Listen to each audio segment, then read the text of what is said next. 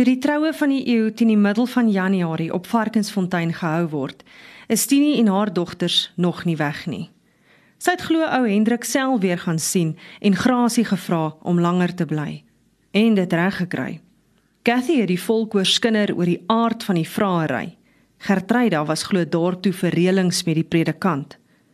Mistini, die weet wat maak 'n mooi vrou met 'n mooi lyf en 'n ou man. En ou man se oë sit mos maar los in hulle koppe, sê oom Berend van Meiskraal altyd.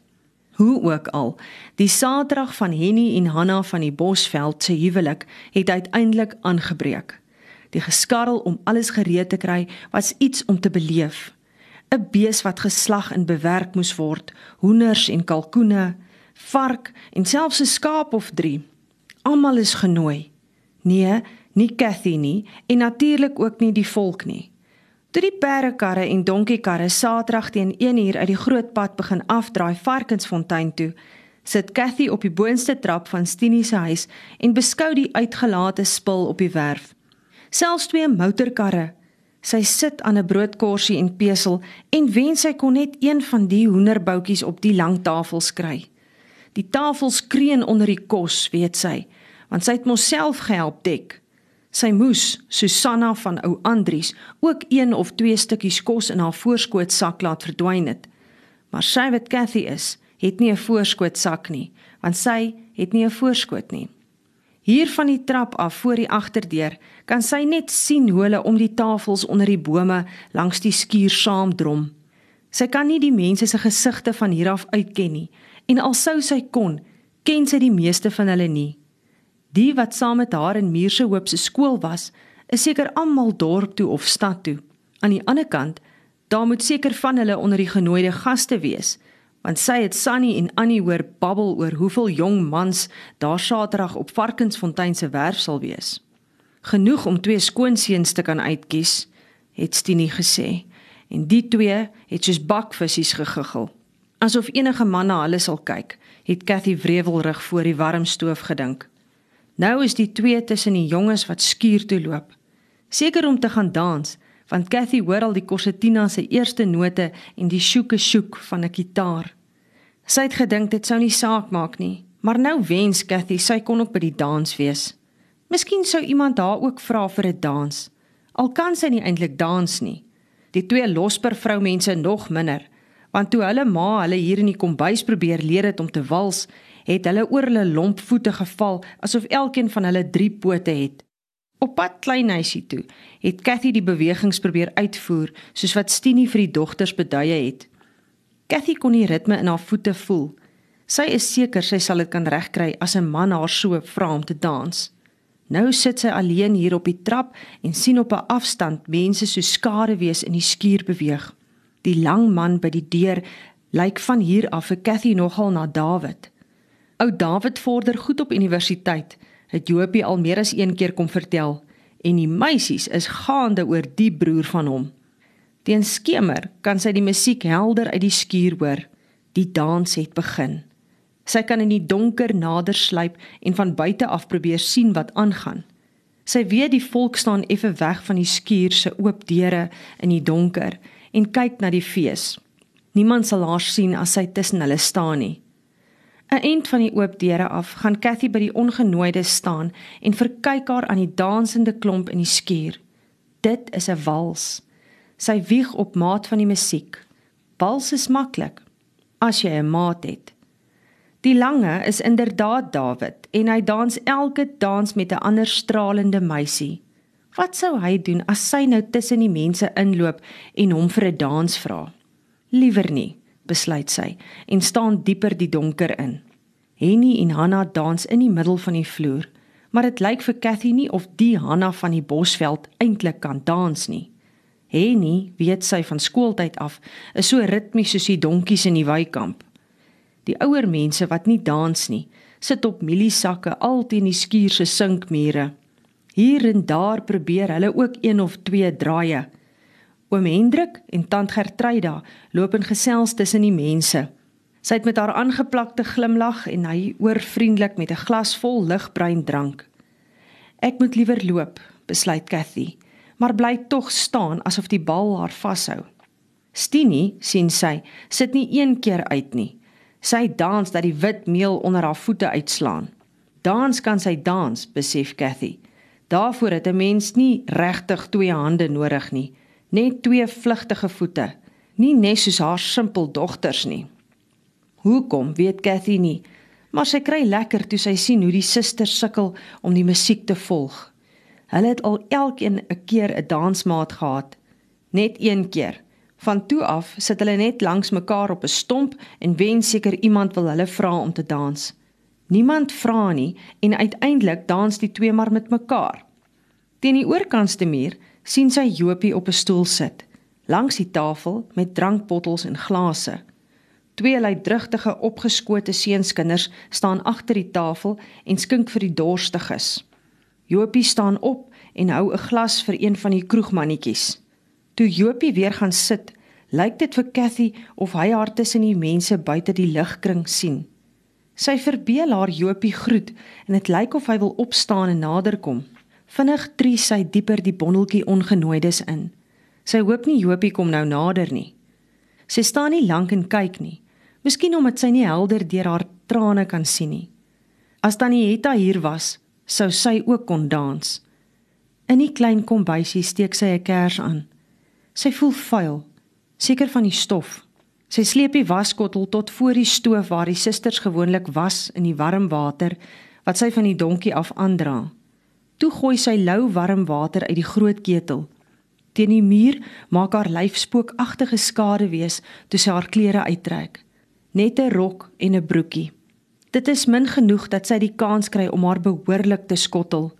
Teen die tyd dat Stini en die dogters klaar gewas is, is die water gewoonlik al op of koud en so vuil dat sy daarvoor gril voordat sy dit by die agterdeur uitskiet terwyl sy haar asem ophou. Sy raak eers met 'n gepunte toon aan die water, soos wat sy die ryk meisie op die prentjie in Die brandwag sien doen net. Toe gaan staan sy in die skottel, buik, skep twee hande vol en laat die lou water oor haar lyf loop asof 'n mens hartseer met seep kan afwas, dink sy, en droom van die aantreklike vreemde jong man wat haar kom vra om te dans. Die hele dansvloer stop in verwondering oor die lang donker man en die verruklike meisie wat so skade wees oor die dansvloer sweef.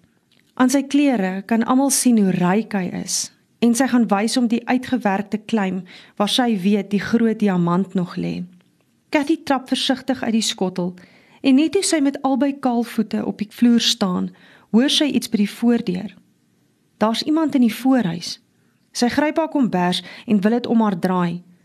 Toe sy voel hoe iemand haar hardhandig van agter af om die lyf gryp en haar mond met die ander toedruk voordat sy kan skree. Dis 'n man. Hy moes deur die kombuisvenster vir haar geloer het, omgesluip en toe deur die voorkamer gekom het. Die kers het doodgewaai. Dit voel of die arm om haar lyf knel. Klein Jakob het altyd vertel hoe dit sal voel as 'n luislang jou dooddruk voordat hy jou insluk. Sy kan skaars asemhaal want die groot hand is op haar mond en druk haar neus byna toe. Die ander hand maak haar bors seer. Sy hoor hom asemhaal, sy hoor hoe hy sy skoene uitskop. Toe ruk hy haar om sodat sy voor hom staan, te na aan hom om te kan sien of sy hom ken. Vir 'n oomblik los hy haar lyf. Hy pluk sy hemp oop en met een hand trek hy sy broek af. Te laat probeer sy onder hom uitkom, maar sy lyf pen haar teen die tafel vas. Sy asem jaag, smoor toe haar in die nek soen. Nat, pap lippe. Sy asem ruik na vuil voete. Dit moet sterk drank wees waarna sy asem stink. Sy beer weg, probeer klap en krap as hy net haar vingers in sy oë kan druk. Maar hy's te groot en te sterk. Haar rug pyn toe hy haar op die tafelblad agteroor druk. Sy wil skree, maar sy hand bly haar mond toedruk. Met sy knie dwing hy haar bene oop, druk haar verder terug op die tafel. Lam gespook, leun sy terug. En as die hand nie haar mond toegedruk het nie, sou sy van die pyn kon gil toe sy hom in haar voel indring. Die droom van haar dans met 'n man spat aan skerwe voor haar oë. Toe stemme buite opklink, los sy haar so skielik dat sy teen 'n stoel val. Sy hoor hoe hy na sy klere gryp en toe die agterdeur oopgaan, is hy deur die voorkamer, by die voordeur uit. Sy lê skuins oor die stoel toe Stini die kers aan die brand begin kry. Cathy sien net drie gesigte, die drie gesigte wat sy haat. Sy kom oorent, voel die pyn in haar rug en hoe dit binne in haar brand. Sy bewe, maar weet dit is nie van koue nie. Toe die kers behoorlik brand, sien sy hoe hulle haar met oop monde aanstaar. Sy wil haar rok gryp om dit voor haar te hou. Hou net op met kyk, wil sy skree, maar sy kan nie beweeg of gil nie. Ek is nie 'n koei nie, al dink julle so. Uiteindelik kry sy dit reg om haar rok van die vloer af op te raap en voor haar te hou. Ek moes nooit my klere uitgetrek het nie, dink sy. Wat dink jy doen jy? Is al wat Stinie uiteindelik vra. Sy bad ma, sê Sunny. Sy bloei ma, sê Annie. Cathy kyk af en sien die bloed op haar bobeen. Sy skrik. Dit is tog nie die tyd van die maand nie. Of het hy haar gekrap? Wat het hy met haar gedoen? Hy het my aangeval, skree Cathy. Wie? vra Stinie. Ek weet nie. Dit is soos pap wat in haar oor kook, warm en onstuitbaar. Nie net van die vuur van een vernedering nie. Dis die gestook van droë hout en kole en stronke van jare en jare. Wie was hier? vra Sunny. Ek weet nie. Die woorde steek in haar keel vas. Dis omdat ek kaal was, flitste deur haar. Ek moes nie gewas het nie. Dis my skuld. Jy lieg, sê Stinie. Vat jou smeerige klere en loop trek vir jou buite aan. Miskien kom hy weer. Dit moet al bitter laat wees toe Cathy terugslyp kom bys toe. Hulle moet al slaap, besluit sy, toe dit voel of die sterre een vir een soos gloeiende stronke uit die lug uit op haar rug val. As sy geweet het waarheen, het sy die nag ingeloop. Rivier toe miskien, want sy weet sy kan nie swem nie. Toe sy haar klam kombers om haar draai en voor die stoof gaan lê, raak sy aan iets wat onder die stoof lê. Sy voel onder die stoof in. Dis 'n skoen. 'n Nuwe skoen kan sy ruik. 'n Man se skoen. Sy skoen. Hy moes dit in sy haas om weg te kom verloor het. Die skoen skuif sy diep onder die stoof in. Sy sal dit môre iewers gaan wegsteek. Sy sal na die mens van die skoen soek totdat sy hom kry, beloof sy haarself. Die slaap bly weg soos 'n verlore skaap. Sy trek die kombers vaster om haar en gaan buite op die trappie voor die agterdeur sit. Sy het gedink dat daar na hierdie verskriklike jaar of 2 nie meer huil in haar oor is nie. Elke mens het net een botteltjie trane in die hemel, het Tannie Hetta altyd gesê. En 'n mens kan nie meer huil as jou botteltjie trane nie. Wat Tannie Hetta nie gesê het nie, was dat daar jong meisies is wie se trane in die weduwee se kruik gehou word. Eers toe sy seker is die ander mense in die huis slaap, sluip sy weer terug kom bys toe. Die skoen haal sy onder die stoof uit en gaan steek dit onder die sinkplaat langs die houtdoop weg. Die stukkie boerseep hou sy in haar hand en gaan halflyf in die lui voor staan. Die water is nie te koud nie, maar hoe meer sy was, hoe sekerder raak sy dat 'n meisie nie die soort vernedering sal kan afwas nie. Dit is 'n vuil waarvoor daar nie seep is nie. Die nag is donker. Net 'n skerfie maan wat drup drup op die water lig, toe sy nog 'n handvol skep en tussen haar bene was. Vir die eerste keer is elke ster 'n brandende oogie wat na haar naakte liggaam loer. Sy haat die Hoëveld en sy mense.